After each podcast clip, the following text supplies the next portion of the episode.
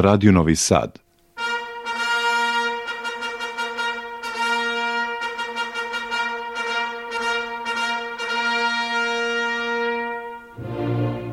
Soperske scene.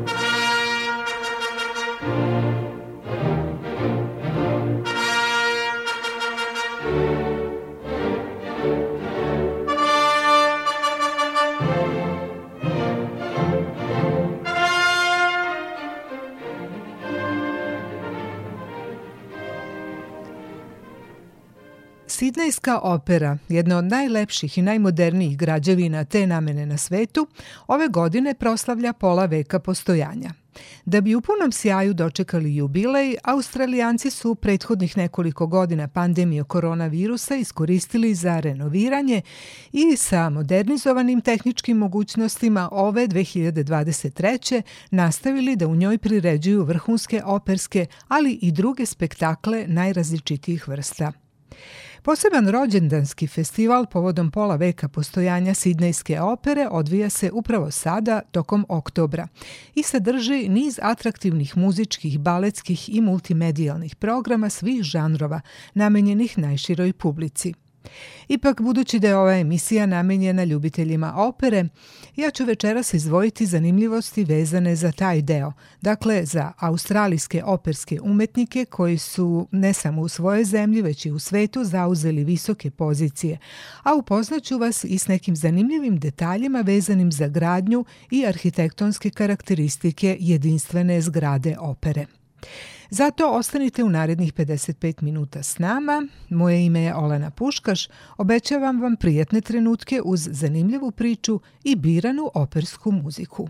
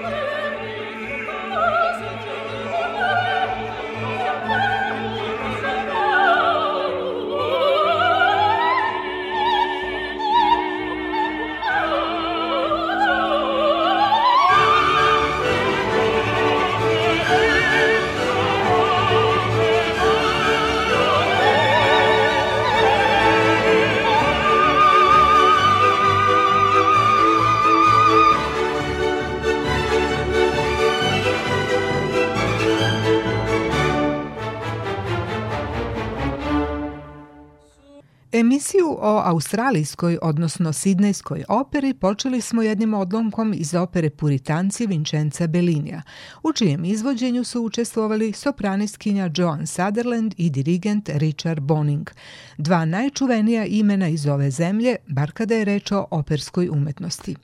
Oni su rođeni u Australiji. Tamo su započeli školovanje i imali prve nastupe, ali su karijere do vrhunca razvili u Engleskoj, Kanadi i Americi sredinom 20. veka. U Londonu su počeli da daju zajedničke koncerte na kojima je Boning imao ulogu klavirskog saradnika. Venčali su se 1954. i većinu operskih snimaka koji danas predstavljaju antologijske primere vrhunskog belkanta ostvarili su u zajedničkoj saradnji u narednim decenijama, uglavnom uz orkestar Londonske kraljevske opere kojim je on dirigovao. Sutherlandova je bila jedan od najboljih dramskih koloraturnih soprana 20. veka. 1961. postala je prva australijska dobitnica nagrade Grammy, hvaljena kao interpretatorka savršene belkanto tehnike, čuvena po preciznim, kristalno čistim i snažnim visinama, te lakoći savršenog izvođenja kitnjastih koloraturnih ukrasa kao već etablirana i slavljena pevačica koja je između ostalog snimila i prvu filmovanu verziju Luči od Lamermura u Zefirelijevoj režiji, Sutherlandova je 1965. krenula na prvu turneju po svojoj rodnoj zemlji. Tom prilikom je nastupala s tadašnjom najtalentovanijom tenorskom nadom, Lučanom Pavarotijem, koji joj je postao jedan od najčešćih partnera na sceni i na snimcima mnogih kompletnih opera, između ostalih i Travijate, iz koje ćemo sada čuti njihov duet iz prvog čina. Undi, felice,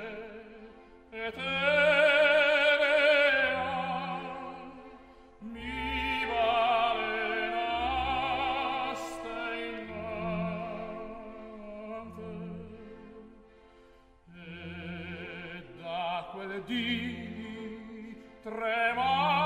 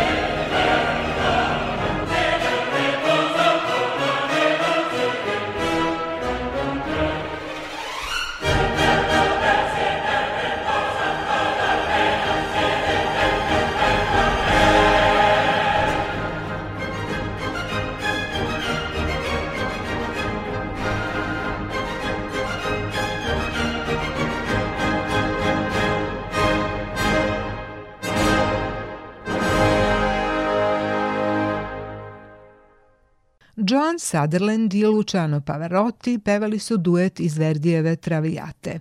A mi sada nastavljamo priču o Sidnejskoj operi u kojoj inače glavna sala za operska izvođenja nosi ime John Sutherland. Izgradnja je završena 1973. prema projektu danskog arhitekte Jerna Ucona.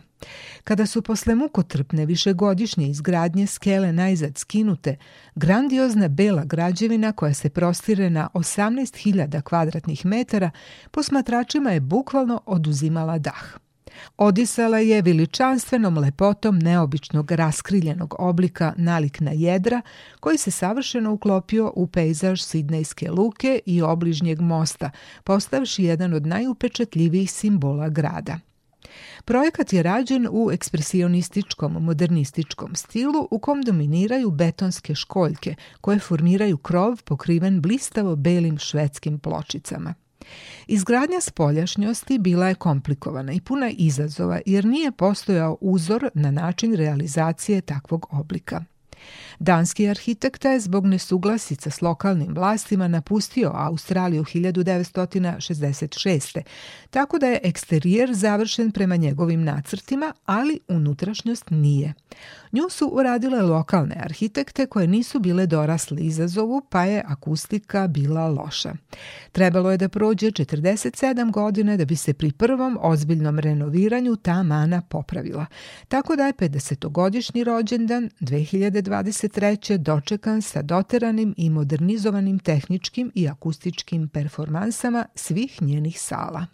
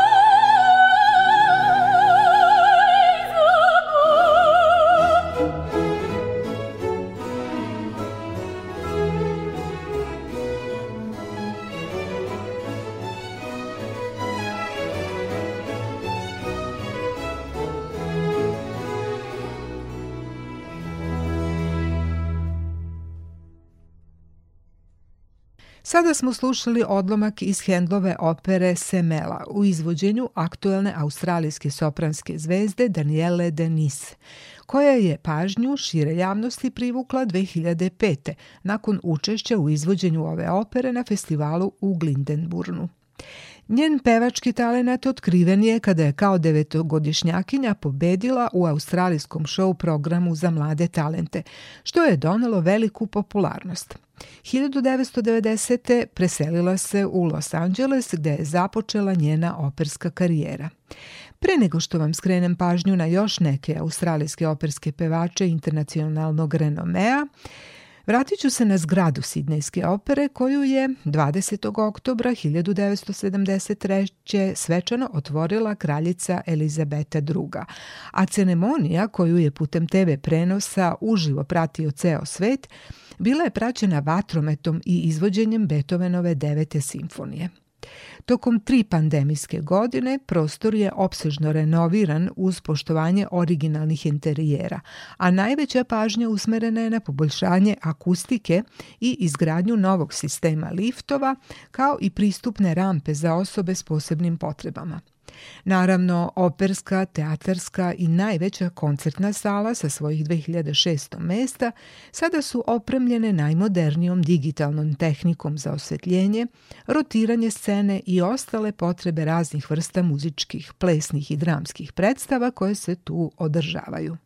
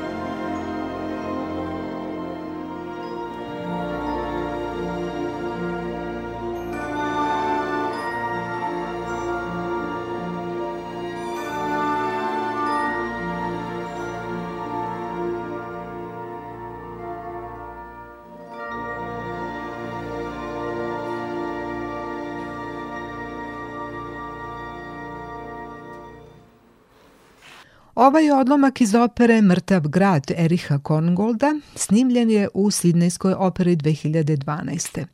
U njemu smo čuli glasove australijske solistkinje Cheryl Barker i njenog partnera Štefana Vinkea. Kada predstavljamo najpoznatije operske umetnike iz Australije, moramo pomenuti Nelly Melbu, slavnu lirsku sopraniskinju rođenu 1861. Ona je bila prva iz te zemlje koja je stekla međunarodno priznanje u klasičnoj muzici i važila je za jednu od najpoznatijih pevačica kasnog viktorijanskog doba i početka 20. veka, ostvarivši značajne uloge na scenama u Londonu, Parizu i Njujorku. Pseudonim Melba uzela je po svom rodnom gradu Melbourneu. Tokom Prvog svetskog rata Melba je prikupila velike sume novca za ratne dobrotvorne organizacije. Često se vraćala u Australiju tokom 20. veka pevajući u operi i na koncertima, a u znak zahvalnosti ovoj umetnici njen lik je stavljen na novčanicu od 100 australijskih dolara. Od starije generacije operskih umetnika iz te udaljene ostravske zemlje treba pomenuti kontraalta Evu Majlot, rođenu 1875. June Bronhild, koja je tokom prve polovine 20. veka s velikim uspehom nastupala u mjuziklima i operetama, i tenora Harolda Blera, koji je bio poznati kao borac za prava aboriđina. Upravo njega sada ćemo čuti u jednoj pesmi kompozitora Webstera.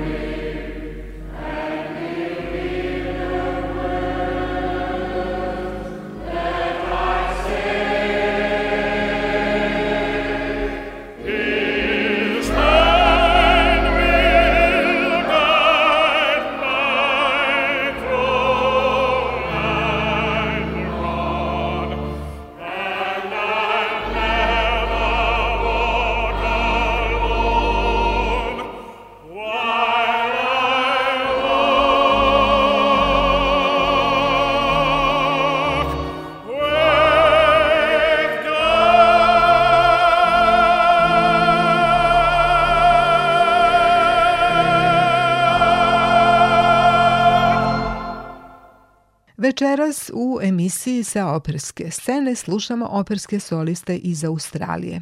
Upravo smo čuli jednog od starijih, Herolda Blaira, koji je poznat kao tenor, ali i kao aboriđinski aktivista.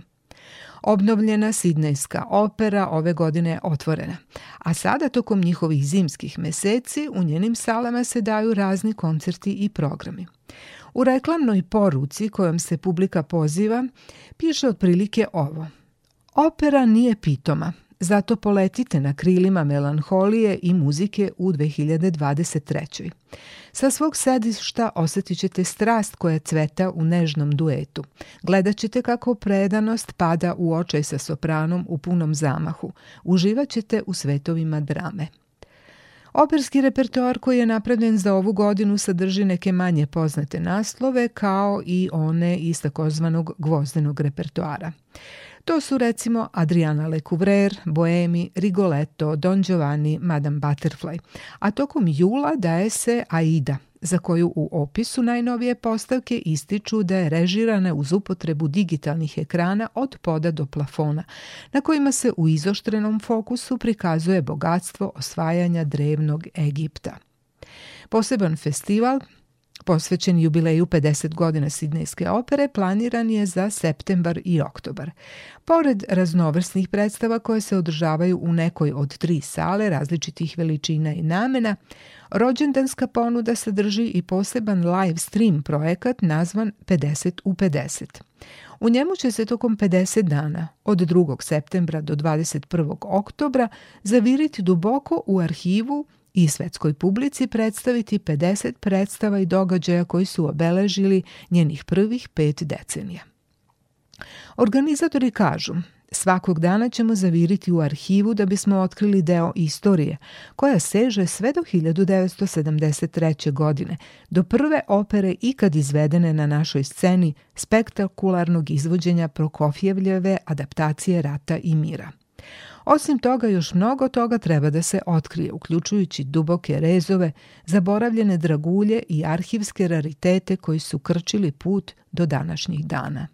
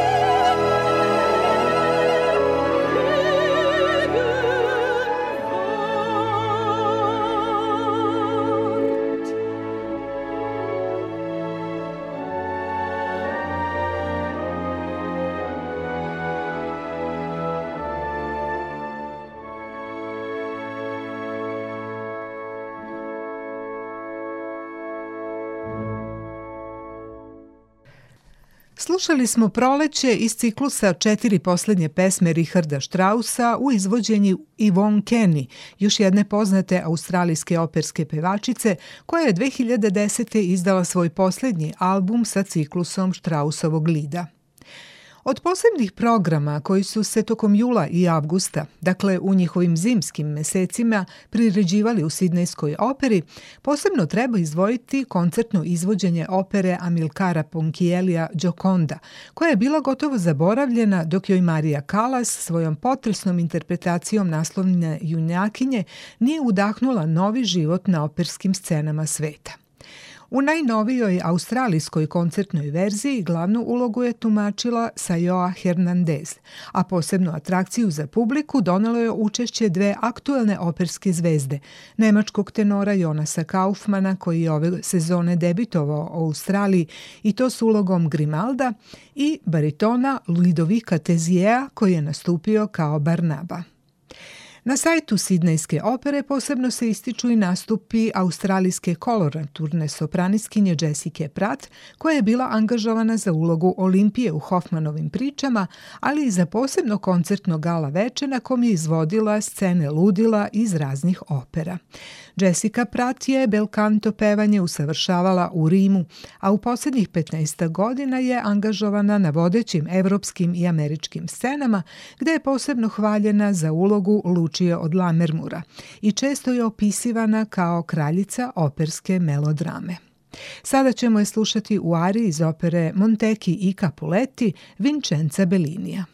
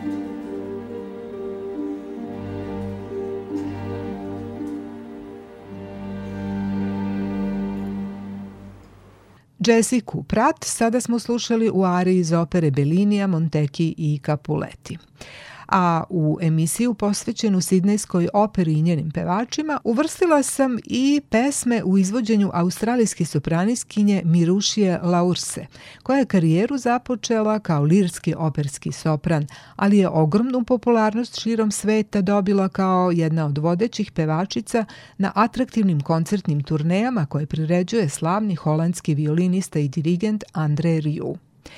Njene su tačke uvek primljene kao čarobni, srceparajući trenuci ovog spektakla popularne klasike, u kojima André Rieu angažuje vrsne umetnike iz celog sveta i publici na svim meridijanima zemaljske kugle nudi nezaboravan užitak i za oči i za uši. Mirušja, koju nazivaju Anđelom Australije, ima nekoliko solo albuma s popularnim tačkama iz svog repertoara. S onog pod nazivom From the Heart, iz srca, do 22 sata sledi nekoliko tačaka.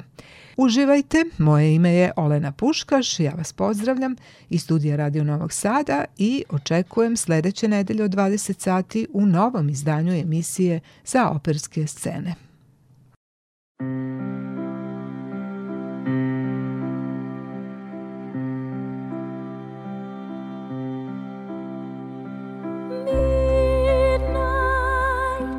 descend from the peak.